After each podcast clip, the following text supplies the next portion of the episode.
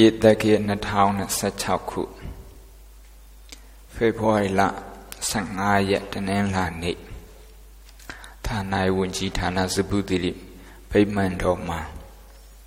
ကျင်းပတဲ့ဓမ္မပူဇာအထူးတရားပွဲမှာကျေးဇူးရှင်မိဘနှစ်ပါးဖြစ်သောဦးမြဟံဒေါက်ခင်စပယ်ကြီးတို့ကအမှုထား၍ သမီးများမမြမာလာဟံမထက်မြဟံမြေခေဆွမ်းဝတိထွန်းတို့၏မွေးနေ့အလှဓမ္မဒါနဓမ္မပူဇာတပင်မွေးနေ့မွေးနေ့အလှရှင်များကမမြမာလာဟံမထက်မြဟံ မခေဆွန်ဝတိထွန်းတို့ကလူငယ်လေးတွေဆိုတော့ဒီနေ့လူငယ်လေးတွေအတွက်ရည်ရွယ်ပြီးတော့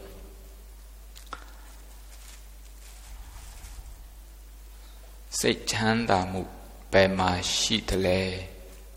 where is happiness ဆိုတဲ့တရားလေးမနစ်40 45မိနစ်လောက်လူရင်းတို့ချင်းအင်္ဂလိပ်ညမှာနှစ်ဘာသာနဲ့ ဟောကြားပေးဖို့ရည်မှန်းထားပါတယ်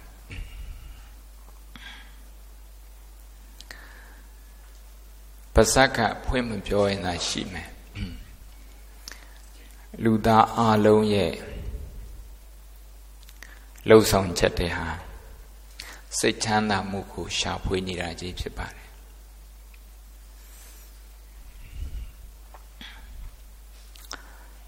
မူလတန်းတတန်းနှစ်တန်းသုံးတန်းကိုအောင်အောင်စာမွဲအောင်လုပ်နေတဲ့ကလေးငယ်လေးဒါလည်းပဲစိတ်ချမ်းသာအောင်သူတို့စိတ်ချမ်းသာအောင်လုပ်နေကြတာစိတ်ချမ်းသာမှုကိုရှာနေကြတာစိတ်ဆင်းရဲမှုကိုမရှာပါဇက်ကသာထုတ်မပြောရင်ရှိမယ်ဒါကြောင့်အာစိတ်ချမ်းသာမှုလို့ထင်တဲ့ အရာလေးနဲ့တွေ့အရာလေးတွေနဲ့တွေ့တဲ့အခါမှာတို့ကခုံပေါက်မြူတူလို့ exciting ဖြစ်တယ်ခေါ်စိတ်လှုပ်ရှားတယ်စိတ်တက်ကြွတယ်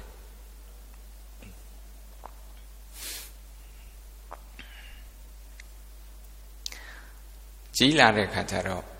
ဒီလိုပဲတရန်ပြီးတရန်ကြီးလာသုံးနှန်းအောင်ပြီးတော့လေးတန်းတက်လေးတန်းအောင်ပြီးတော့ငါးတန်းတက်သုံးနှန်းအောင်ပြီးတော့ ပျော်ရွှင်မှုလေးရအဲ့ဒီပျော်ရွှင်မှုလေးဟာသူ expiry date ရှိတယ်တက်တန်းကုန်ဆုံးနေတချို့ဆိုရင်နိုင်ပိုင်းပဲခံတယ်တချို့ဆိုရင်တရက်နဲ့တချို့ဆိုရင်တလားနှစ်လတစ်ပတ်နှစ်ပတ်ဒီလိုခံတယ်ပြီးရင်လေးတန်းအတွက်ထပ်ပြီးတော့ပူရတာနဲ့အဲ့ဒီသုံးတန်းအတွက်ဝန်တာရတဲ့ဟာလေးပျောက်ဆုံးသွားရောဒီလိုပဲ ကလေးငယ်လေးတွေအသက်6နှစ်ကလေးဆိုရင်သူအသက်6နှစ်နဲ့အမ်ယာနှုံးပြည့်စိတ်ချမ်းသာတယ်စိတ်ချမ်းသာမှုရှိရဲဆိုတာအဲတွေးရခဲတယ်အသက်6နှစ်ကလေးတွေကအသက်9နှစ်ပြည့်ဖို့မစောင့်နိုင်ဘူးအရင်9နှစ်အရင်ပြည့် 9နှစ်ပြည့်ပြန်တော့လည်းပဲသူက9နှစ်9နှစ်နဲ့မပြောနိုင်သေးဘူးဘာဖြစ်လဲ10နှစ်ဖြစ်ခြင်း10နှစ်ကလေးလေးက9နှစ်ဖြစ်ခြင်းတနည်းအားဖြင့်ပြောမယ်ဆိုရင်အနာဂတ်အတွက်အာတွေ့ရင်အနာဂတ်ကိုမျှော်ခွင်းအနာဂတ်အတွက်စိုးရိမ်ရင်အနာဂတ်ကိုတောင်းတရင် စိတ်ချမ်းသာမှုကိုအနာဂတ်မှာမရှိတယ်လို့ဒီလိုပဲမျှော်လင့်ဒီလိုနဲ့ဆယ်တန်းရောက် university entrance တရောက်ဆယ်တန်းအောင်ရင် A level အောင်ရင်အမ်မာကဒီစနစ်ဆိုနေ12တန်းအောင်ရင်ဒါဘဝကြီးပြည့်ပြည့်စုံသွားမယ်ဒီလိုပဲထင်တယ်အောင်လဲအောင်ရောတက်ကတူ မဝင်ရသေးခင်မှာဘုန်းကြီးတိလာခါနေဒီ November December လောက်ဆိုရင်အင်္ဂလန်မှာကလေးတွေကဒီသူတို့လျှောက်ထားတဲ့တက္ကသိုလ်တွေမှာ offer ရမရဝင်ခွင့်ရမရအဲ့ဒါလေးတွေအရင် anxiety ဖြစ်တယ်ကလေးတွေကအမှန်တော်တဲ့ကလေးတွေ scholarship နဲ့အင်္ဂလန်ရောက်သွားတဲ့အာရှကလေးတွေလည်းအများကြီးပါတယ်သူတို့မေးတယ်သားတို့သမီးတို့ ဒီမှာ scholarship ရတယ် scholarship နဲ့ also မှာအထက်တန်းကျောင်းလှတက်ရတယ်ဆိုတော့ဟိုစိတ်ချမ်းသာမှုသူတို့ကြည့်ရတယ်သူတို့မရနိုင်ဘာလို့မရနိုင်ဆိုတော့ your mind is always one step ahead အမြဲတမ်းပဲဟိုရှေ့ဒလန်ရောက်နေတယ်ဒီပြစ္ဆုတ်ပံတဲ့မှာမနေနိုင်မနေနိုင်ဒီလိုနဲ့ပဲ ဆယ်တန်းဘလောက်ပျော်စရာကောင်းတယ်ဆိုတော့ဆယ်တန်းအောင်ပြီးမှပြန်တွေးပြီးတော့စမြုံပြန်တာလေစမြုံပြန်တယ်ဒါကကလေးတွေအတွက်ចောင်းသူចောင်းသားလေးတွေပဲအဲ့လိုပဲဟိုဖုန်းတို့ကိုယ်တိုင်တိုက်ကသူဟိုတိုက်ခဲ့ရတဲ့တိုက်ကသူចောင်းသားဘဝမှာလည်းဒီတိုင်းပဲ ဆိုင်ပွဲမဖြစ်ဆိုင်ပွဲအတွက်ပြင်ဆင်ဒီဆိုင်ပွဲပြီးပြီဆိုရင်တော့ဘဝဘာမှမလိုတော့မဲ့အတိုင်းပဲစိတ်ထဲမှာအဲ့လိုပဲထင်ခဲ့အဲ့ဒီလိုနဲ့ master ပြီးအောင်လုပ်ခဲ့တယ် master ပြီးတော့ဟိုစိတ်ထဲမှာအယံဝန်းတာတယ်ဟိုလမ်းလျှောက်တာခြေထောက်တော့မှမြေကြီးသိမထိချင်ဒါမဲ့အဲ့ဒီအဲ့ဒီ fleeting pleasure ဆိုတာလေစိတ်ထဲမှာကျဉ်တ်တယ်အကြိုင်းမခံအပြန်စမ်းကြည့်ခါကျတော့ master မရတော့အနေထားနဲ့အခုရပြီးသားနေတာဘုသူဒ္ဓဘာမှသိမကွာသေးဘူးအဲ့လိုပဲပြန်ပြန်ထင်မိတယ်ပြန်ထင်ပြီးတော့နောက်တစ်ခါ master တခုထပ်လို့ဒုတိယတစ်ချိန် master နှစ်ခုရရင်တော့လုံးဝဘဝကြီးပြောင်းလဲသွားမယ်ဒီလိုပဲထင်ပြီးတော့တစ်ခါတစ်ခါထပ်လို့ master တခါဒုတိယချိန်အဲဒုတိယ master ပြန်ရရပြီးတော့သိမထူးသေးဘူးနောက်တစ်ခုထပ်လို့သုံးခုလို့ဘာမှမထူးအဲ့ဒါနဲ့ PhD ရမှာဆိုတော့ PhD လုပ်တယ်တော့ PhD လုပ်တော့လဲဟိုနာမည်ကြီးတက္ကသိုလ်တွေတစ်ခုပြီးတစ်ခုရှောက်လန်ဒန်တက္ကသိုလ်ရှောက်ရတယ်အဲ Cambridge လျှောက်တယ်ရတယ် scholarship မရတာနဲ့အဲ fees မရှိတာနဲ့နောက်ဆုံး Oxford လျှောက်တဲ့ခါကျမှ Oxford ရတဲ့ချိန်ကျမှအစားအစာပြည့်စုံလို့အဲ့မှာ PhD လုပ်ဖြစ်တယ် PhD မရခင်တော့လည်းပဲဒီလိုပဲထင်ခဲ့တယ် PhD ရရင်တော့အရန်ပြည့်စုံမှာ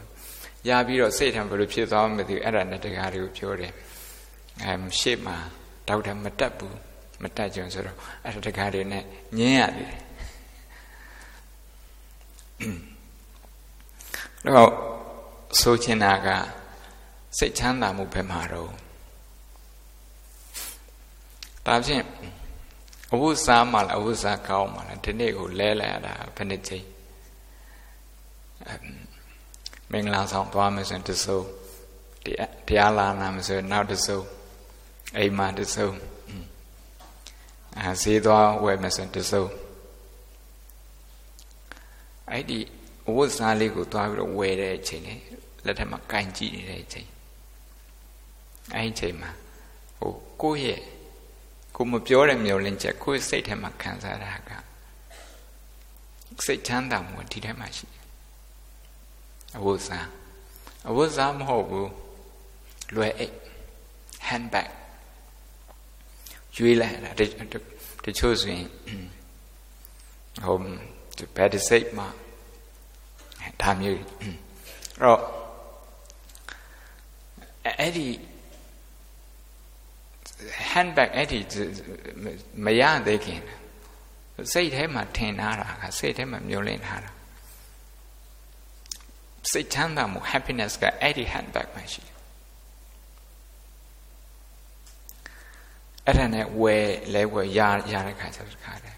exciting ဖြစ်ပြီးတော့အဲ့ဒါလေးပိုက်ပြီးတော့အိမ်ပြန်လာတနေ့ကုန်လိုက်ရှာတယ်ပဲဒီဇိုင်းပြီးဒီဇိုင်းနောက်ကင်နဲ့ချလိုက်ဖွင့်ကြည့်လိုက်ချလိုက်ဝယ်ဖြစ်တော့တခုဝယ်ပြီးတော့အိမ်ပြန်လာအဲ့ဒါလေးခိုင်းပြီးတော့ အာကြည့်ပြီးစိတ်ချမ်းသာနေစိတ်ထဲမှာ secure ဖြစ်သွားတယ်လုံခြုံမှုရှိတယ်လို့ထင်သွားတယ်ဒါမဲ့အဲ့ဒီလုံခြုံမှုရှိတယ်ဆိုတဲ့ဟာတကယ်လုံခြုံမှုရှိလားတကယ်စိတ်ချမ်းသာရဲ့လားပြန်ပြီးတော့စဉ်းစားကြည့်တဲ့အခါကျတော့အဲ့ဒီ handbag လေးတခါကင်ပြီးတော့ဈေးသွားရင်သွားမယ်စူပါမားကတ်သွားရင်သွားမယ် မင်္ဂလာဆောင်သွားရင်သွားမယ်အဲဒီ function တခု social function တခုသွားရင်သွားမယ်သွားပြီးလဲပြေရောနောက်တနေ့အဲ့ဒီနေရာကိုဆက်သွားမယ်ဆိုရင်အဲ့ဒီ handbag မကင်ချင်တကယ်လို့ function ကနှစ်ရက်ကြာမယ်ဆိုရင် handbag တလုံးနဲ့နှစ်ရက်မသွားချင်အဝတ်စားလည်းပဲအမနာမဈေးကြီးတယ်ဆိုတဲ့အဝတ်စား ဈေးကြီးဆုံးလိုက်ရှာအဲ့ဒီအဝတ်စားနှစ်ရက်ဝတ်မသွားနိုင်ကဲလျှော်ရမယ်ကိစ္စမရှိဘူးစင်တူတော့ဝယ်နှစ်ရက်ဝတ်သွားမဝတ်ချင် social rule တွေဒီဒီစီးမြင်စီကန်တွေရှိတဲ့ခါကျမှဒီအရာမဝတ်မနေရအဲ့လိုစင်တူတွေဝယ်ရမယ်အဲ့လိုရှိတဲ့ခါကျမှလူတွေဝတ်ကြတယ်ပုံမှန်ဒီတိုင်းဆိုမဝတ်ကြဘူး ဒါနဲ့စိတ်ချမ်းသာမှုကိုပေးတယ်ဆိုတဲ့အဝတ်စားလှလှလေးအဝတ်စားဈေးကြီးကြီးတရက်ပဲခံတယ်သူပေးတဲ့စိတ်ချမ်းသာမှုတရက်ပဲခံ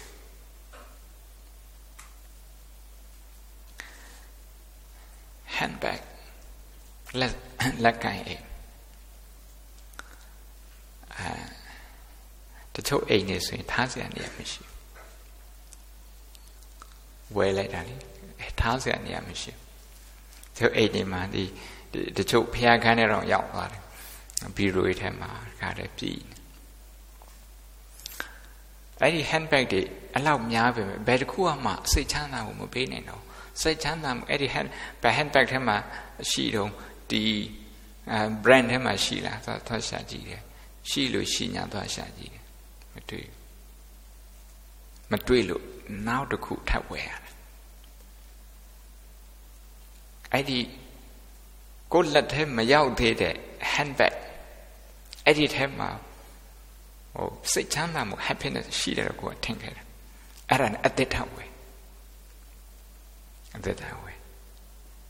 ရောင်းတဲ့ကုမ္ပဏီတွေတော့ကောင်းတော့မို့အမေအဲ့ဒီ handbag ထဲမှာအဲ့ဒီပစ္စည်းအသက်ထဲမှာစိတ်ချမ်းသာမှုလိုက်ရှာတာတွေးလို့တွေးညာနဲ့မတွေးလို့နောက်အသက်တစ်ခုထပ်ရှာ အဲ့ဒါလည်းပဲခဏလေးပဲတွေးတယ်တော့ fleeting pleasure ဆိုတာ fleeting pleasure ဒီလိုဟိုတခဏတာပဲတည်ရှိတဲ့စိတ်ချမ်းသာမှုစိတ်ချမ်းသာမှုတော့မခေါ်နိုင်ဘူးအမ်စိတ်ကြည်နက်မှုအဲ့ဒီစိတ်ကြည်နက်မှု သူပြက်ပြဲသွားတော့နောက်တစ်ခုထပ်ရှာတချို့ကျတော့အစားတော့အစားတော့ထဲမှာစိတ်ချမ်းသာမှုရှိတယ်လို့ဒီလိုထင်ကြအကောင်းဆုံးအစားတော့ကိုဝယ်စားပါကြတဲ့နိုင်ငံနဲ့မှားစားပါကြတဲ့ဆိုင်နေစားကိုအရန်ကြိုက်ပါတယ်ဆိုတဲ့စားစားစားစားစေးကြီးပေးပြီးတော့ ဝယ်စားဟို exciting ဖြစ်တယ်ဒီ restaurant သွားတဲ့အခါမျိုးမှာစကြတဲ့နာပြင်ဆင်တော့အဲ့မှာများ happiness ရှိလားဆို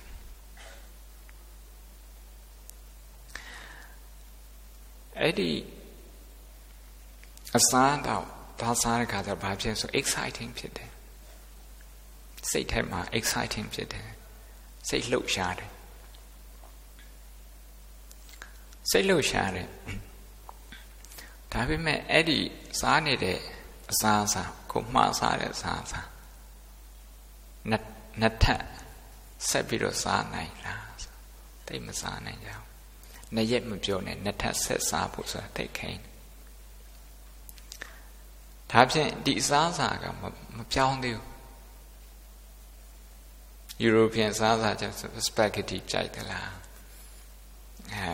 um Mexican စားစားကြိုက်သလားတရုတ်စားစားကြိုက်သလားယူရစားကြိုက်သလားမြန်မာစားစားကြိုက်သလားဘာဘာကြိုက်တော့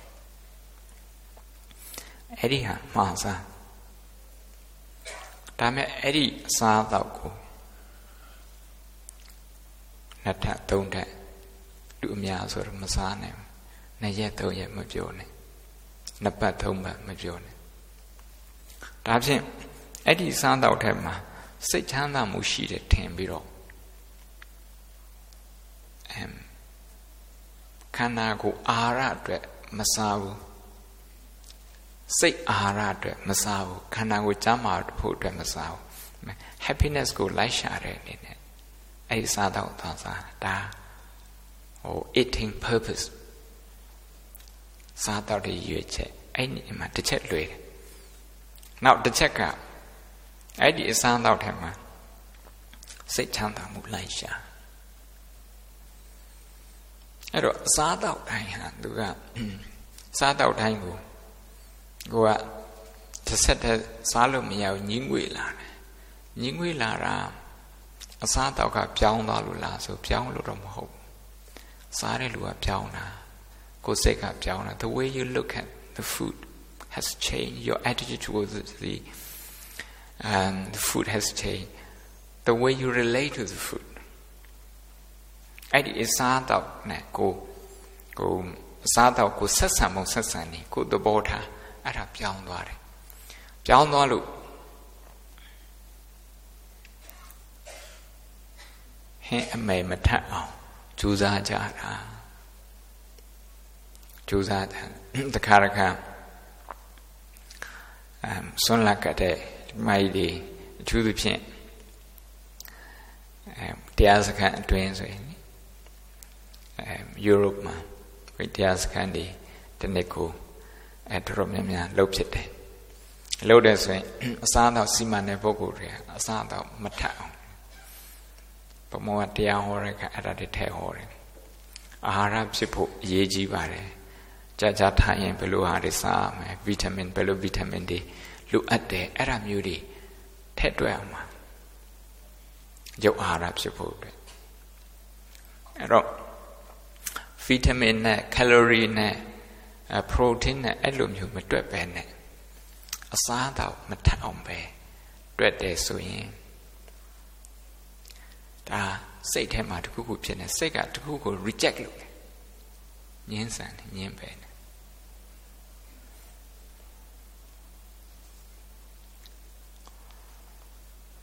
တချို့ကစိတ်ချမ်းသာမှုကိုဟိုကားကောင်းကောင်းတွေထဲမှာလိုက်ရှာတယ်။ brand new တွေပေါ်လာတယ်။နောက်ဒါက2015 2016ကိုက2014စီးနေဆိုရင်လူတယောက်က2015လာစီးလိုက် ကိုစိတ်ထဲမှာ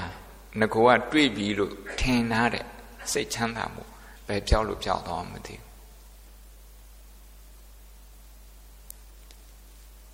ကားကအကောင်းရှိသေးတယ်အကောင်းရှိသေးတယ်ဒါပေမဲ့ဘသူကပြောင်းသွားတော့ဆိုတော့ကိုယ့်ရဲ့စိတ်ကပြောင်းသွားတာဒီကားထဲမှာချမ်းသာစိတ်ချမ်းသာမှုကိုလိုက်ရှာဒီကားထဲမတွေ့ဘူး။နောက်ကားတိတ်မမြန်သေး အရန်မြန်တဲ့ကား sports car like ဝယ်စီ sports car စီးတယ်စီးတယ်စီးရတယ်။ဒါပေမဲ့စိတ်ချမ်းသာဆုံးလူဖြစ်မလာဘူး။ဘာမှမဟုတ်တာလေးနဲ့စိတ်ညစ်နေသေးတယ်။အဲ့ဒါနဲ့ညာတကောင်မနဲ့စောစီစီရန်ကုန်မြို့ထဲမှာပြိုင်ကားတွေမောင်းကြအဲ့ဒါစိတ်ချမ်းသာမှုလိုက်ရှာတာပဲ စိတ်ချမ်းသာမှုကိုလိုက်ရှာနေတာတွေးလားဆိုတော့ exciting တော့တွေးမှာပေါ့တရက်သူများကောက်ကိုကြောနေတယ်ဆိုရင်ဟိုစိတ်ထဲမှာ excited နေဖြစ်ပြီးတော့ကျေနပ်အဲ့ဒီစိတ်ကျေနပ်မှုကသူကမှန်ကန်တဲ့ foundation ပေါ်တိဆောက်ထားတာမဟုတ်တဲ့အတွက်ကြောင့်သူအကြိုက်မခံ အကြိုက်မခံနောက်တစ်ခါတခြားပြိုင်ကကိုယ့်ထက်မြန်တယ်လို့ယူဆရင်ကိုယ်ပြိုင်ကတော့မှဒီလောက်ထိဈေးကြီးပေးပြီးတော့ဝယ်ထားတဲ့ပြိုင်ကဘာစိတ်ချမ်းသာမှုမှမပေးတော့တချို့ကြတော့ physical intimacy အာယင်းနီ ကိုခန္ဓာကိုယင်းနီအာဆက်ဆံမှုဆက်သွယ်မှုအဲ့ဒါအဲ့ဒီအဲ့ဒီကိစ္စတွေမှာစိတ်ချမ်းသာမှုလိုက်ရှာဒါလည်းပဲအမ်ကဘာလောကကြီးတစ်ခုလုံးတက်သေးခံထားတဲ့အတိုင်းပဲသူ excitement ကသူရဲ့ excitement က momentary တခဏတာပဲ တခဏတာနောက်ပိုင်းကျတော့ excitement တွေဒီဒီစိတ်လှုပ်ရှားမှုတွေမရှိတော့မရှိတော့တဲ့ခါကျတော့တခြားအရာလိုက်ရှာတချို့ဆိုရင်ဘီယာလိုက်ရှာဘီယာဘူးထဲမှာစိတ်ချမ်းသာမှုများရှိမလားဖွင့်ပြီးတော့တောက်ကြည့်လူပဲမှုသွားတယ်အရက်ပဲဆွဲသွားတယ်တချို့ဆိုရင်မကြမကြမူးလဲတာပဲစိတ်ချမ်းသာမှုရှာမတွေ့ဘူး ဒါကြောင့်စိတ်ချမ်းသာမှုဘယ်မှာရှိတော့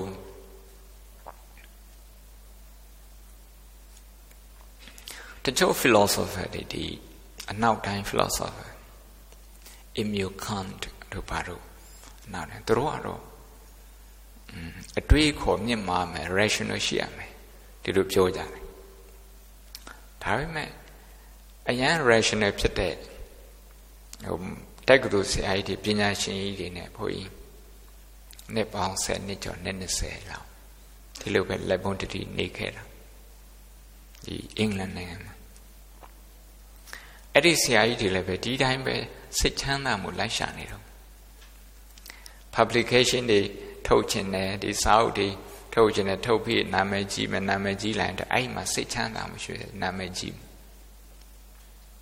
fame အဲ့ဒါနဲ့ဒီလိုပဲ also က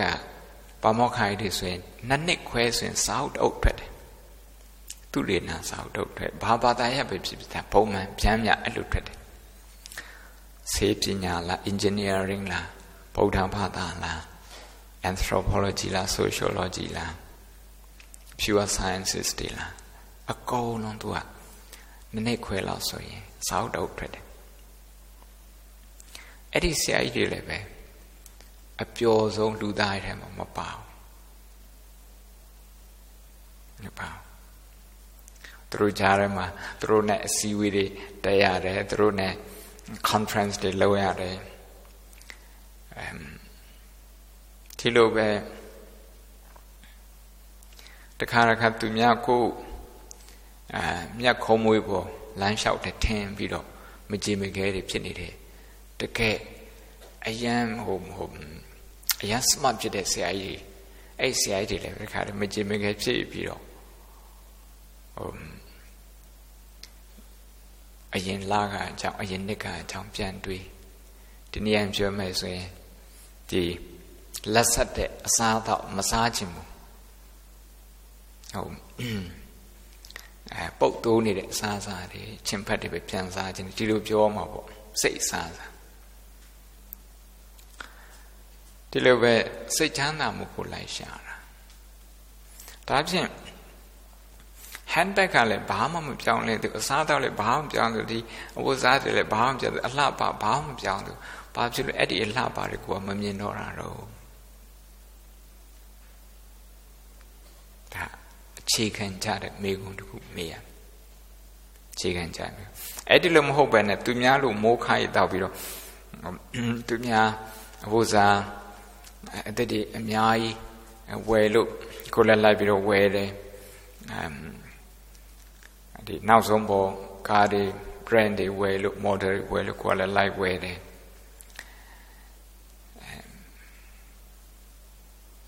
ဘယ်လိုဆိုင်မျိုးဂျပန်စားစားတရုတ်စားစားယူရိုပီယန်စားစားဘယ်လိုစားစားမျိုးလူတွေသွားစားပြီးတော့ပြောပြလို့ကိုယ်ကလည်းမခံကျင်တဲ့သွားစားတယ် မိုးခါရည်တော့မယ်ဆိုရင်ဒါစိတ်ချမ်းသာမှုရှာတွေ့ချင်မှတွေ့မှာဒါကြောင့်မြတ်စွာဘုရားရဲ့တရားတော်ကတော့ရှင်းပါတယ်လောကကြီးကိုမှန်မှန်မကြည့်တတ်ဘူးဆိုရင်လောကကြီးနဲ့ရံဖြစ်လောကကြီးကိုမာမာယွင်ကြည့်တဲ့အခါကျတော့အမ်လောကကြီးပဲကိုကို this this about လို့ကိုအဲ့လိုထင်တယ်မညာတာတလို့အဲဂိယုနာကင်းတယ်လို့မေတ္တာမရှိတယ်လို့အဲ့လိုထင်ရတယ်ဒါကြောင့်မြတ်စွာဘုရားကအမိန့်ရှိတာကလောကရတော့ဒီတိုင်းဒီတိုင်းပဲဥနောလောကလောကရအမြဲတမ်းသူကလိုအပ်နေတယ်အမြဲ something is missing all the time นะတခါတခါ ပိုက်ဆံချမ်းသာတယ်ပိုက်ဆံပိုက်ဆံနဲ့ပိုက်ဆံထဲမှာအဲစိတ်ချမ်းသာမှုရှာမတွေ့တော့နာမည်ကြီးနာမည်ကြီးအောင်လုပ်တဲ့နာမည်ကြီးတွေနဲ့ဒီဒီနာမည်ကြော်ကြားမှုထဲမှာစိတ်ချမ်းသာမှုရှိမလားဆိုရတဲ့နာမည်ကြော်ကြားမှုတွေလိုက်ရှာနာမည်ကြော်ကြားပြီးသားပုဂ္ဂိုလ်တွေဘုန်းကြီးဆိုလိုတငယ်ချင်းတွေအများကြီးရှိတယ် အသက်20ကျော်လောက်ကတည်းကအဆိုလိုတကားတွေရှိတယ်သူတို့ရဲ့တခြင်းတချို့တခြင်းတွေသူတို့ပြန်မေးတော့သူတို့မှတ်တော့မမှတ်မိဘူး it means nothing to them အဲ့ဒီသူသူတို့တွေဘာမှမဟုတ်တော့အဲ့ဒီတခြင်းရဲ့အလှပါတခြင်းရဲ့အရာသာသူတို့မခံစားနိုင်တော့နာမည်လေးကြည့်တယ်ဒါပေမဲ့နာမည်ကြည့်ပြီးတော့သူတို့မှာဘဝ ပျော်ရွှင်နေပြည့်ပြည့်စုံနေမထင်ဘူးဒါနဲ့အဆူရောတွေတော်တော်များများဒီဥရောပမှာရောအာရှမှာရောအဆူရောတွေအဲအရက်တောက်တဲ့လူတောက်ဆေးတောက်တဲ့လူတောက်အဲ့တို့ဟာတွေအများကြီး recreation ဆိုပြီးတော့အဲ့လိုနာမည်လေးနဲ့စားကြတောက်ကြဒါကြောင့်မြတ်စွာဘုရားအမိန့်ရှိတာက healthy mind ရှိဖို့လိုအပ်တယ်တဲ့ healthy mind စိတ်ကကျန်းမာဖို့လိုအပ်တယ်စိတ်မကျန်းမာဘူးစိတ်ထဲမှာ toxin ဆိုတဲ့ရှိတယ် toxin ဆိုအစိတ်စိတ်ထဲမှာ toxin ရှိတယ်ဆိုရင်ဒီစိတ်ကဟိုတွေးတဲ့အရာအတိုင်းကိုသူ react လုပ်တဲ့နေရာမှာသူက toxic ဖြစ်တယ်အစိတ်နဲ့သူ react လုပ်တယ်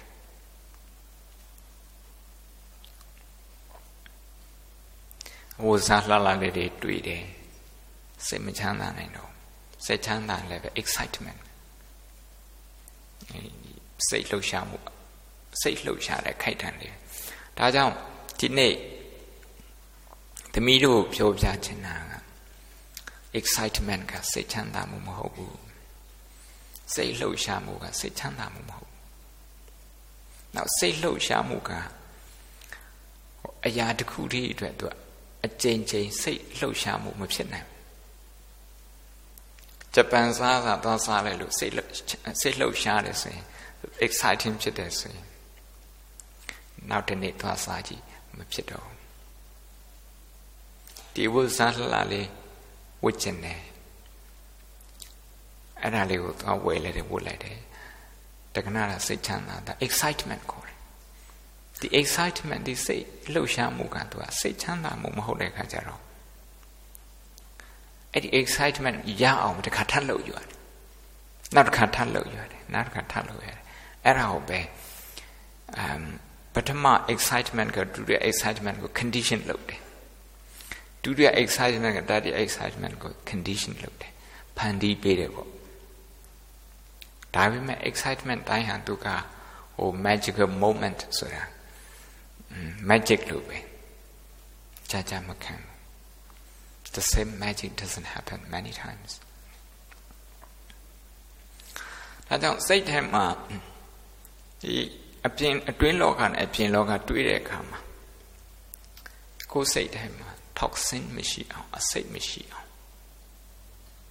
ဒါလေးသတိထားပြီးတော့လှုပ်ရပါတယ်တဲ့စိတ်ထဲမှာအစိတ်တွေများနေအစိတ်တောက်တွေများနေ ဟိုရှေ့မှာတလောက်လှတဲ့ပန်းလေးတွေချထားလဲဒီပန်းအလှလေးတွေမမြင်တော့ဒီနေ့တရားနာပေးတဲ့လလပပဝုစင်လာရင်ကြီးကြီးဝုစင်လာကြတယ်ကြိုးစားပြီးတော့တရားလာနာကြတယ်ဒီအလှပါလေးမမြင်နိုင်ဘူးဘုန်းကြီးလည်းပဲဒီနေ့ဟာ my fourth function ပဲဒါစတုထမြောက် function ပဲဒီနေ့ အဲဘုန်းကြီးကြိုးစားပြီးတော့ဒီမှာတရားတော်ဟောတယ်အဲကြိုးစားပြီးတော့ရှင်းပြတယ်စိတ်ထဲမှာကိုယ် toxin ရှိနေဆိုရင်ဒီအလားပါဒီကြိုးစားမှုရဲ့အလားမမြင်နိုင်ဘူးမမြင်နိုင် appreciate မလုပ်နိုင်ဘူးပေါ့ appreciate မလုပ်နိုင်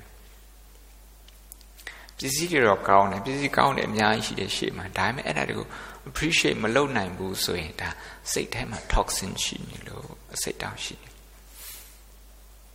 restless ဖြစ်တာဒီစိတ်ကဟိုအမ်ဩဒိဇာတွေဖြစ်နေတာစိတ်တွေပြန့်လွင့်နေတာဒါလည်း toxin တစ်မျိုးပဲဒါကြောင့်ပြန့်လွင့်နေတဲ့စိတ်ကိုပြန့်လွင့်နေမှန်းသိအောင်လုပ်ဖို့တည်းအရေးကြီးပါတယ်အတိလေးနဲ့ပဲတနည်းအားပြောပြောမယ်ဆိုရင်အတိနဲ့ကင်းပြီးတော့စိတ်ချမ်းသာမှုဆိုရမရနိုင်ပါဘူး ဘာဖြစ်လို့အတိနဲ့ကင်းပြီးတော့ appreciation တန်ဖိုးထားမှုဘဝကိုတန်ဖိုးထားမှုဆိုရင်မရှိဘူးမိဘနဲ့ရှိနေတဲ့အချိန်မှာမိဘအသက်ရှိနေတဲ့အချိန်မှာမိဘနဲ့ရဟန်းဖြစ်မိဘပေးတာကိုအမ်တတိမထားဘူးမပေးတဲ့ဟာပဲတတိထားမိတယ် ဒီလိုဆိုရင်စိတ်ထဲမှာ toxin ဖြစ်အများကြီးပေးရတယ်မိဘဒါလည်းပေးတာလည်းပေးဒါပေမဲ့ဘယ်မိဘမှာအကုန်လုံးပေးနိုင်ဆိုတော့မရှိဘူးပိုက်ဆံပေးနိုင်ရင်တချို့ကနှွေးထွေးမှုမပေးနိုင်အပြည့်စုံမပေးနိုင်တချို့ကငယ်တော့ဆိုတချို့မိဘတွေဟာဟိုအလုတ်ကိစ္စနဲ့ဘယ်နေရာမှာ ဘယ်ခီခီးထွက်သွားတာတွေရှိတယ်ပညာသွားသင်ရတာတွေရှိတယ်အာကြည့်အဲ့ဒီဟာမျိုးတွေ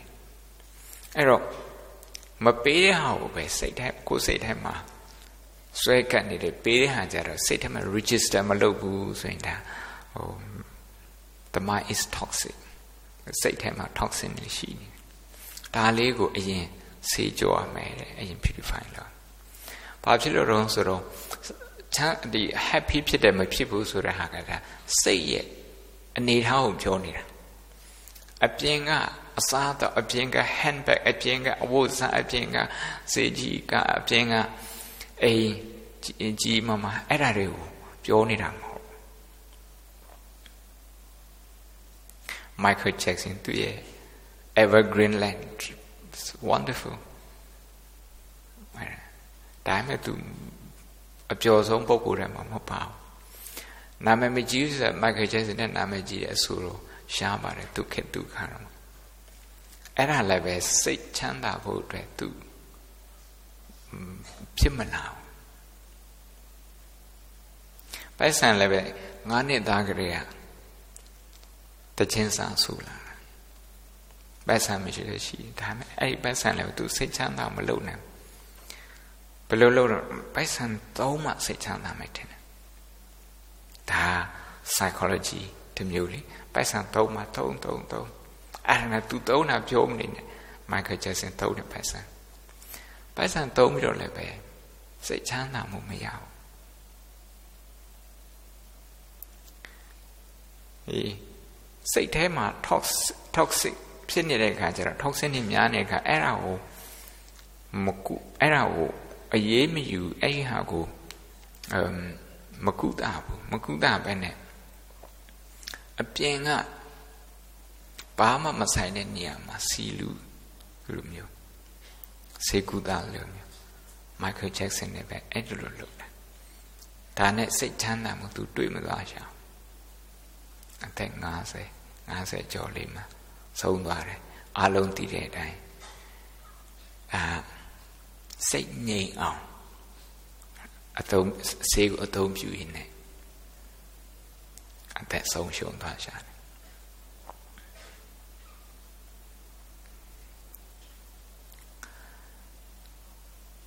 အဲ့တော့စိတ်ထဲမှာရှိတဲ့ toxin တွေဘာတွေတော့ဆိုအလိုလိုနေနဲ့ insecure ဖြစ်တာ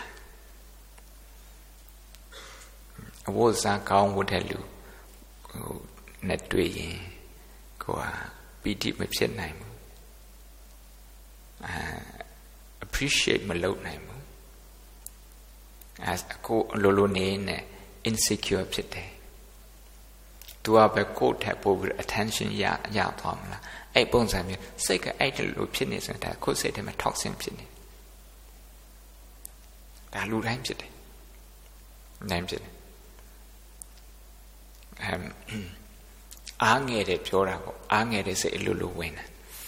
တခါဒီပြီးခဲ့တဲ့3လနှစ်က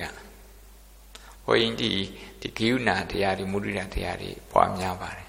ပွားများတဲ့ကြားထဲကနေပဲဒီမနာလိုတဲ့စိတ်တွေလေတခါတခါဘဲနေဝင်လာမှမသိဘူးမနာလိုတဲ့စိတ်အနေနဲ့ပေါ်မလာပဲအားငယ်တဲ့စိတ်အနေနဲ့ပေါ်တာတခါအမ် ပိဋိရှပါဠိမန်ကိုဘုန်းကြီးအမ်အဖိတ်ခံရတော့သွားတယ်နာမည်ကြီးဆရာတော်ကြီးတို့ပါတတိပဌာန်ကျောင်းလာဟောမယ်ပေါ့အဲ့မှာအထက်ပါဠိမန်မှတ်တယ်အောက်ပါဠိမန်မှတ်တယ်ရောနောက်တရင်စားဆရာတွေရောဗမောခါတွေရောလူတရားဖိတ်တယ်အဲ့မှာဘုန်းကြီးသွားသွားတဲ့ခါကျတော့လူတိုင်းဒီလိုပဲကိုယ့်ရဲ့ခိုင်ခုံလေးကိုယ့်ခေါ်နာလေးမှာဒီတိုင်းပဲထိုင်နေကြတယ်မြန်မာပြည်မှာမြန်မာပြည်ကနေ ဟိုပြန်သွားဆိုအဲ့အဲ့ဒီအကျင့်လေးမိသွားတယ်တော့အဲ့မှာကိုယ့်ကိုသွားထိုင်နေဘယ်သူမှလာနှုတ်ဆက်တဲ့လူမရှိဘူးအလိုလိုနေနဲ့အားငယ်တဲ့စိတ်ပေါ်လာလိုလိုနေနဲ့အားငယ်တဲ့စိတ်ပေါ်အဲ့ဒီအားငယ်တဲ့ဆိုအရန် intense ဖြစ်တယ်အရန်အရန်ပြင်းထန်တယ်အဲ့ဒါနဲ့ကိုယ့်ကိုပြန်ကြည့်ပြန်ကြည့်ပြန်ကြည့်ပြီးတော့ဟာ တခြားလူတွေကိုလည်းကြည့်ဩဒီလိုပဲဟိုမလုံခြုံတဲ့စိတ်ဒီလိုပဲဖြစ်ကြမှာပဲယဟန္တာဖြစ်တဲ့ခါကျမှဖုဋ္ဌတလောကဓမ္မေစိတ်တံယတနာကံပတိအတောကံဝိရဇံခေမခေမန်ဆိုတဲ့စကားလေးခေမမိတယ်ခေမန်ခေမန်ဆိုတာကသူကစိတ်ထဲမှာလုံခြုံတယ် you feel totally secure အဲ့ဒါလေးပြောတာနော်ဘသူကကိုယ်လာနှုတ်ဆက်မနှုတ်ဆက် ဘသူကကိုယ်လာပြီးတော့ um appreciate လို့လို့မလို့လို့လာပြီး congratulate လို့လို့မလို့လို့ဘွဲတွေပေးပေးမပေးပေးကိုယ်စိတ်ထဲမှာကိုယ့်အကို secure အဲ့ဒါကြမှာသူကတကယ် strong ဖြစ်တာတကယ်အားကောင်းတာဒီစိတ်ကဘာဖြစ်လို့တော့ဆိုတော့ဒီစိတ်ထဲမှာသူက toxin တွေနေတာ toxin တွေနေတာအဲ့တော့ ဟိုစိတ်ကအထက်ပိုင်းမှာဒီဒီ toxin တွေတခါတခါမတွေ့ရပါမယ်တော့နက်နက်နက်နက်နေရာတွေမှာလေသူရှိနေသေးတယ်အားကောင်းနေသေးတယ်အဲ့ဒီဟာလေးတွေကိုစောင့်ကြည့်နိုင်တဲ့အမ်တကစောင်းလိုမျိုးတတိတံဝရဆိုတာတံဝရဆိုတာစောင့်ကြည့်တယ်တတိက mindfulness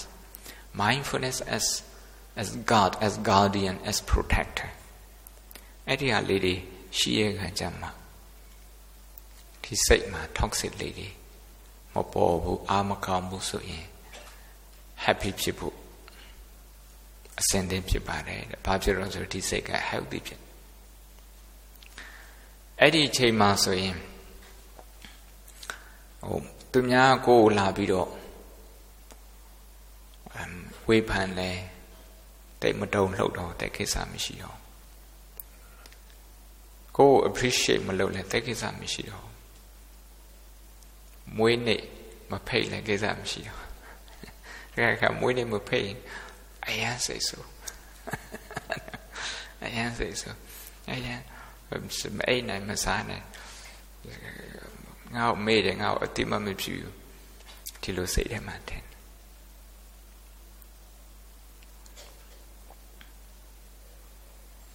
အဲ့ဒါ mindfulness ဆိုတာ mindfulness ဆိုတာစောင့်ကြည့်တယ် mindfulness ဆိုတာစောင့်ကြည့်တယ်အဲ့ဒီဟာလေးတွေရှိရခံကြမှာ focus အဲ့တော့ဒီ toxin တွေကသူက toxin ရှိတဲ့စိတ်ခါဒီလိုအမြဲတမ်းပဲသူသူပြေးနေတယ်ပြေးနေတယ်ဟိုကြိုက်တဲ့ဟာနဲ့တွေ့ရင်အဲ့ဒီကြိုက်တဲ့အရာတွေမှာ happiness ရှိမလားဆိုပြီးတော့ like ပြေးတယ်မကြိုက်တဲ့အရာနဲ့တွေ့ရင်ဒီနေရာမှာ happiness မရှိဘူးလို့ထင်ပြီးတော့ခါတည်းထွက်ပြေးတယ် ဒီလို like ပြေးတာနဲ့ထွက်ပြေးတာနဲ့အဲ့ဒီလိုပဲအမြဲတမ်းပြေးနေတယ်တဲ့ spinning လုပ်နေတာ non stop အဲ့လိုလုပ်နေတာလူအများစုရဲ့စိတ်ဟာဒီတိုင်းပဲဒါကြောင့်မြတ်စွာဘုရားကစိတ်ချမ်းသာမှုကိုအပြင်မှာသွားမရှာနဲ့အပြင်မှာရှိတဲ့စိတ်ချမ်းသာမှုဟာစိတ်ထဲမှာရှိတဲ့အတွင်းမှာရှိတဲ့ peace of mind စိတ်အေးချမ်းမှုပေါ်မှာမူတည်ပါတယ် peace of mind peace of mind စိတ်ချမ်းသာမှုဒီစိတ်စိတ်ချမ်းသာမှု peace of mind စိတ်တည်ငြိမ်မှုစိတ်အေးချမ်းမှုမရှိဘဲနဲ့စိတ်ချမ်းသာမှုဆိုတာမရှိနိုင်ဘူးအတွင်း inner condition အတွင်းကလိုအပ်တဲ့အခြေခံလိုအပ်တဲ့အခြေခံတကယ်လို့ အတွင်းစိတ်ကတည်ငြိမ်ပြီးအတိုင်းအတာတစ်ခုတည်ငြိမ်နေဆိုရင်တော့တွေးတဲ့ကိုရှိမှတွေးတဲ့အရာမှန်တယ်မြအရာအလုံးဟာလှပပါတယ်စိတ်ချမ်းသာမှုကိုပေးတယ်ကားသမားလည်းကားသမား driver လည်း driver အလျောက်သူစူးစမ်းတယ်အမ်ဆိုင်ကားသမားလည်းဆိုင်ကားသမားလည်းသူစူးစမ်းတယ်အလုပ်သမားအလုပ်သမားသူစူးစမ်းတယ် သူအဲပြောကွက်ဟာကွက်လေးတွေရှိတယ်ဆိုရင်ဟိုသူရဲ့ပြောခွက်ကိုကြည့်ပြီးတော့ကိုယ်စိတ်ကသွားပြီးဒီဒီပောက်ကွဲရင်ကိုယ်စိတ်ကကိုက toxin ဖြစ်နေတယ် toxin ရှိနေတယ်အဲ့ဒီနေရာမှာသူ့ကိုဂယုဏဖြည့်ပြီးတော့ဒီအလုတ်သမားကိုဆက်ခန့်တာမခန့်တာဒါကစီးပွားရေးဆုံးဖြတ်ချက်ဒါပေမဲ့ ဒီအာနေချက်ဒီလိုအပ်တဲ့အလုတ်မှာသူက perform မလုပ်နိုင်တဲ့အလုတ်သမားကိုအလုတ်ဖြုတ်တဲ့အခါမှာရန်သူတယောက်မဖန်တီးဖို့လိုအပ်တယ်အဲ့ဒီလိုကိုက explore လုပ်ပြီးတော့သူ့ကိုအမ်အလုတ်ထုတ်တယ်ဆိုရင်သူအားနဲ့အလုတ်ထုတ်တယ်ဆိုရင်ကို အမ်ရန်သူတယောက်တိုးသွားတာအဲ့လိုမဟုတ်ဘဲနဲ့ခဲသူ့ကိုတနာပါတယ်ဒီအလုတ်သူဆက်ခံမယ်ဆိုရင်သူတာဝန်ပဲပြီမယ်သူ့အတွက်လက်အစင်မပြေဘူးသူ့ကိုလည်းခီးယူနာဖြစ်ကိုယ်ကိုလည်းခီးယူနာဖြစ်ဒီလိုနဲ့ဟိုအပြောင်းလဲတွေလုပ်တယ်ဆိုရင်ဒါက you are in control of your emotion ကိုယ် emotion ကိုက control လုပ်နိုင်တာ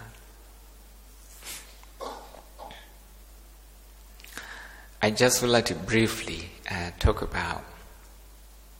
um, happiness. People think about happiness all the time. On their birthday, they would say happy birthday. That means, you know, they are very much conscious of happiness. um, happy this, happy that. They always wish happiness for people, for themselves as well. But where do we look for happiness? Where can we find happiness? Is it in beautiful clothes? You buy one after another set, and still you can't find happiness. Every time you got a new set of clothes. You get very excited, but that excitement is not happiness. So sometimes people think um, exalted food is uh, something where you can find happiness. It gives you happiness. So um, you cook yourself. Um, wonderful food, or you go to restaurants, You make people cook for you. Whatever. But if you examine, you know, the basic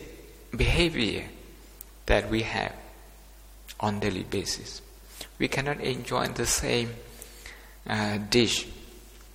more than once or twice. Why? The food hasn't changed.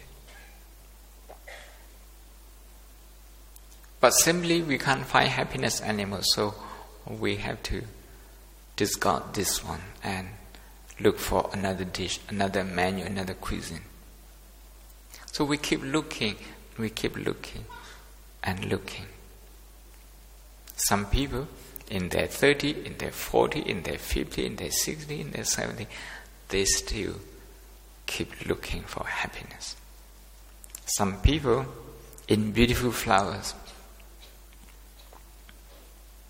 Some people in handbags, variety of handbags, many brands, expensive one. But you got one and it excites you just for a brief moment. And you can't relate to that handbag anymore after a while. Why? Because there is no more excitement. So excitement is not happiness. Some people think it's um, um, in a big house, in um, an expensive car, maybe a sports car, still people you know who have a sports car and drive maybe midnight, early in the morning in in Yangon on the street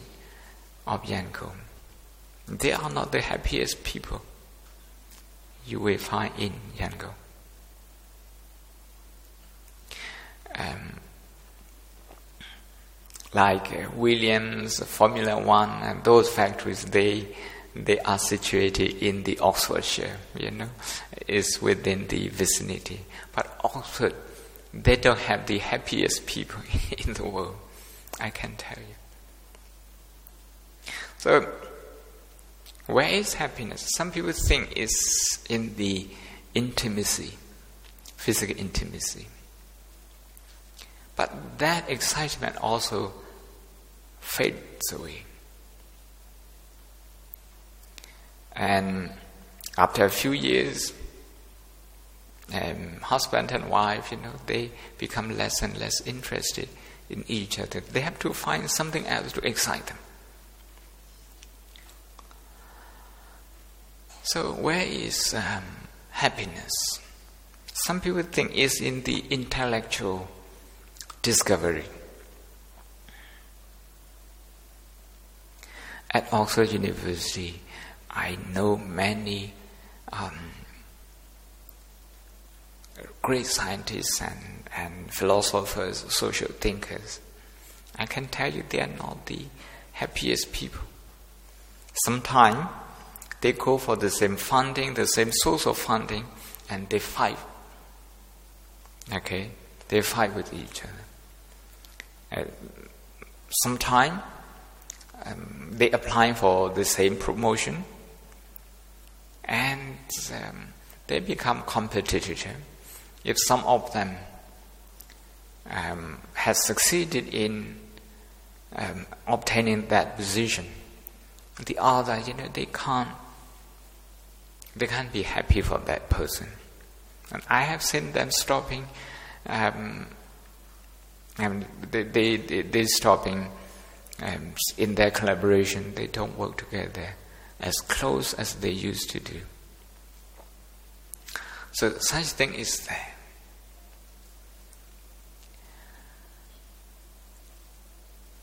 Then, if we ask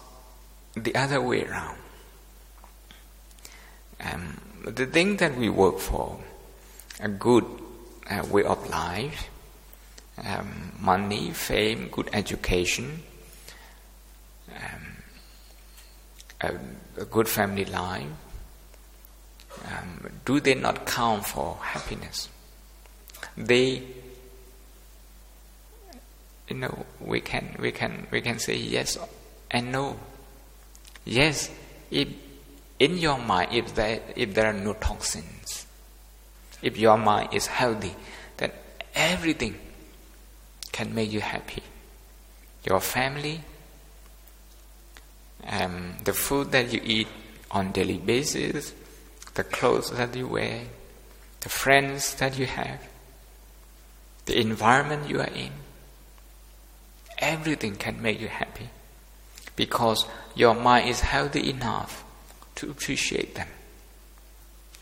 And your mind is healthy enough, strong enough not to be swayed, not to be overwhelmed by restlessness, by irritation, by agitation, by frustration. So, frustration is toxin. Um, anger is toxic. Jealousy is toxic. Restlessness is toxic. Um,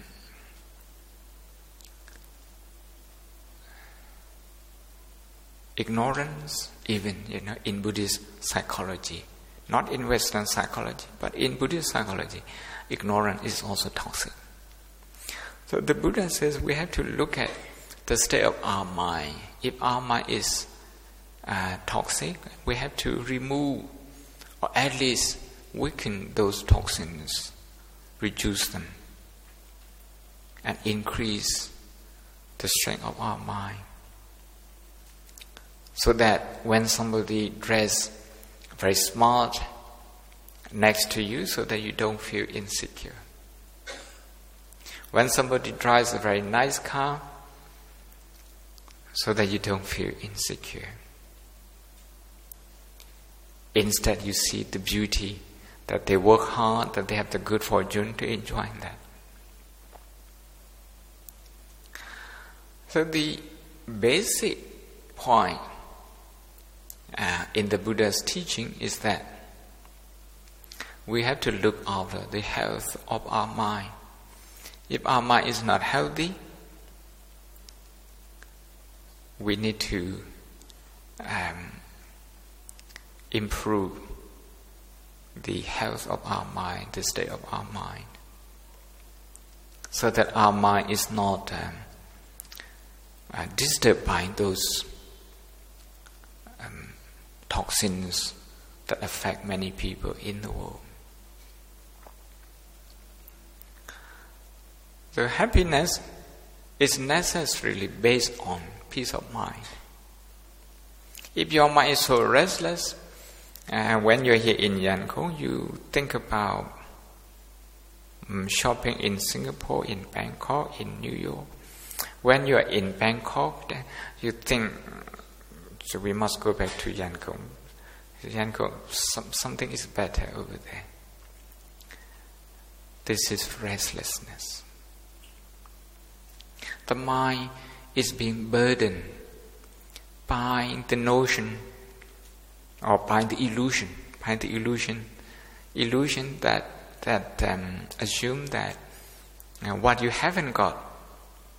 okay, is more valuable than what you have in your hand. The friends that you haven't got, okay, they they look, you know, mm, fancier than the friend you have already got. Uh, the clothes that you haven't got, they look more beautiful, beautiful than you have already have in your wardrobe. That mind is creating suffering. That mind is uh, is um, is it's like a time bomb. It can explode any time. So the Buddha teaches people to look for happiness within. If we can find happiness within, that everything we see outside is beautiful, it can strengthen our happiness. And happiness within, it starts from calming the mind. We need to calm the mind, we need to calm the body, so that the mind is not easily disturbed. If the mind is easily disturbed by uh, disagreement with uh, friends, with family, with uh, colleagues, uh, with um, political opponents, with anything you find at all in the paper, then your mind is very vulnerable. Your mind is not healthy at all. So, contemplative, medit- contemplative tradition, sometimes we call this meditation. Now it's very popular in the West. You just type mindfulness in Google, you can Google this. You will find hundreds of references, scientific papers um, from clinical psychologists, neurologists, philosophers, physicians, from Oxford, Cambridge, MIT, Harvard, uh, Wisconsin Medicine, those top universities, Berkeley, University of California, all those uh, top universities, they all have um, these research works, research projects to use mindfulness to improve people's happiness. So, the main thing it, it, it, it comes down to the emotional connection that we have with ourselves and with the outside world. That emotion, that state of emotion becomes unhealthy if it rejects something quite easily and quickly. Something like it rejects food, it looks for something new, thinking that the one that you haven't tasted, the one that you haven't got, will be much better than the one that you have in your hand. This is the mind that creates trouble. Trouble for yourself, for your family, for anyone you come across. So, simply because um, you don't get one thing that you want, and you de- devalue everything that you have in your hand, uh, this is horrible. This is because the mind is rather unhealthy. So I like to um, say today as birthday present to Ma Mya Malahan, uh, Ma Tep and Kitsun Wuditun as birthday present. That uh, it's important to learn how to calm the mind, to find peace of mind. With that peace of mind, you have got a very good foundation to find happiness and happiness anywhere, everywhere, at home and outside. I hope this is a good birthday present for all of you. မွေးနေ့လက်ဆောင်အနေနဲ့သမီးမမြမြမာလာဟန်နဲ့မထက်မြဟန်နောက်ပြီးတော့မြေခေဆွန်ဝတ္တိထွန်းတို့ကိုဒီနေ့မွေးနေ့လက်ဆောင်ပေးချင်တာတော့စိတ်အေးချမ်းအောင် peace of mind စိတ်အေးချမ်းအောင်ဗုဒ္ဓကသင်ပေးထားတာရှိတယ်အဲ့ဒီဟာကတော့ဒီအ မ်မိမိကြိုက်နေတဲ့အရာကိုမိမိလက်ထက်မှာရှိနေတဲ့အရာမကြမကြတွေးပြီးဒီလိုတွေးနေ appreciation တက်လာတယ်ဆိုရင်ဒါလည်းပဲ peace of mind တခုရတယ်ရှိတဲ့အရာကိုခဏခဏတွေးပြီးမရှိတဲ့အရာစိတ်ကမရှိတဲ့အရာစီကိုပဲသူကရောက်ရောက်နေတတ်တယ်ရှိတဲ့အရာကိုတွေးပေးတယ်အဲ့ဒါအဲ့ exercise လေးလုပ်ပေးတယ်ဆိုရင် appreciation ရှိလာမယ်စိတ်ကသူကသူအေးချမ်းလာ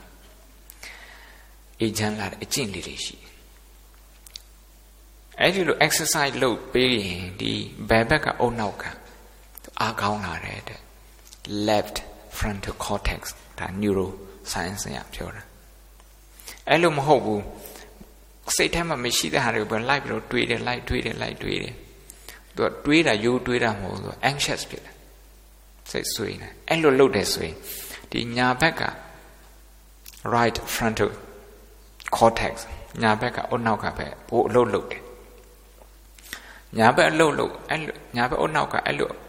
ဟိုခဏခဏအလုပ်လုပ်ပြီးအကျင့်ပါသွားတယ်ဆိုရင်အဲ့ဒီညာဘက်ကအုံနောက်ကစိတ်ကိုပို့ပြီးတော့ပူပန်စေတယ်ပူပန်တဲ့စိတ်ကအဲ့ဒီအုံနောက်ကိုပို့ပြီးညာဘက်အုံနောက်ကိုပို့အလုပ်လုပ်စေတယ်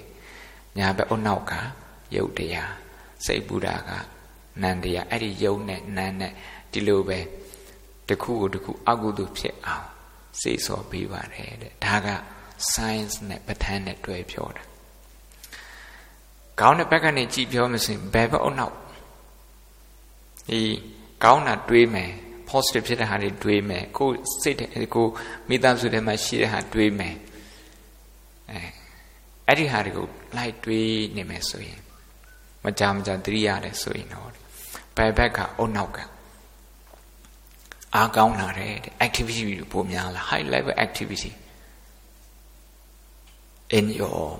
left prefrontal cortex အဲ့လိုများလာရင် physically healthy ဖြစ်တယ် emotionally healthy ဖြစ်တယ်။အုတ်နောက်ကရုပ်တရားစိတ်ကဒီ positive ဖြစ်တဲ့စိတ် appreciate လုပ်တဲ့စိတ်မုရိဒာဖြစ်တဲ့စိတ်ကလည်းပဲ မြေဝိစိတ်ကနန္တရားဒီကုသိုလ်ဖြစ်တဲ့နန္တရားကကုသိုလ်စိတ်ကအုတ်နောက်ကိုလည်းပဲသူက positive ဖြစ်တဲ့အုတ်နောက်ကိုပဲဖြစ်စေတယ်ခန္ဓာကိုလည်းပဲအဲ့လိုသူကကျမ်းမာစေတယ်ဒါကြောင့် happiness လိုက်ရှာတယ်ဆိုတာသူကမရှာတတ်ရင်ရှာလေဝေးလေပဲရှာတတ်တဲ့ဆိုရင်တော့ ဒီမှာတယ် here and now you can find happiness ဒါကြောင့်သမီးလေးတွေမမြမလာဟန်မထက်မြဟန်မခေဆွန်ဝတီထွန်းတို့စိတ်ချမ်းသာမှုနေစဉ်ဘဝမှာရှားဖွေတွေ့ရှိနိုင်ပါစေဗုဒ္ဓရဲ့အမ်တကူတော်ဓမ္မရဲ့တကူတော်တန်ခါရဲ့တကူတော်ဆရာမိဘရဲ့တကူတော်နဲ့ကျေးဇူးတော်နဲ့ နေစဉ်ဘဝမှာစိတ်ချမ်းသာမှုရှားဖွေတွေ့ရှိနိုင်ပါစေမေတ္တာပို့ရင်းနဲ့ဒီနေ့ည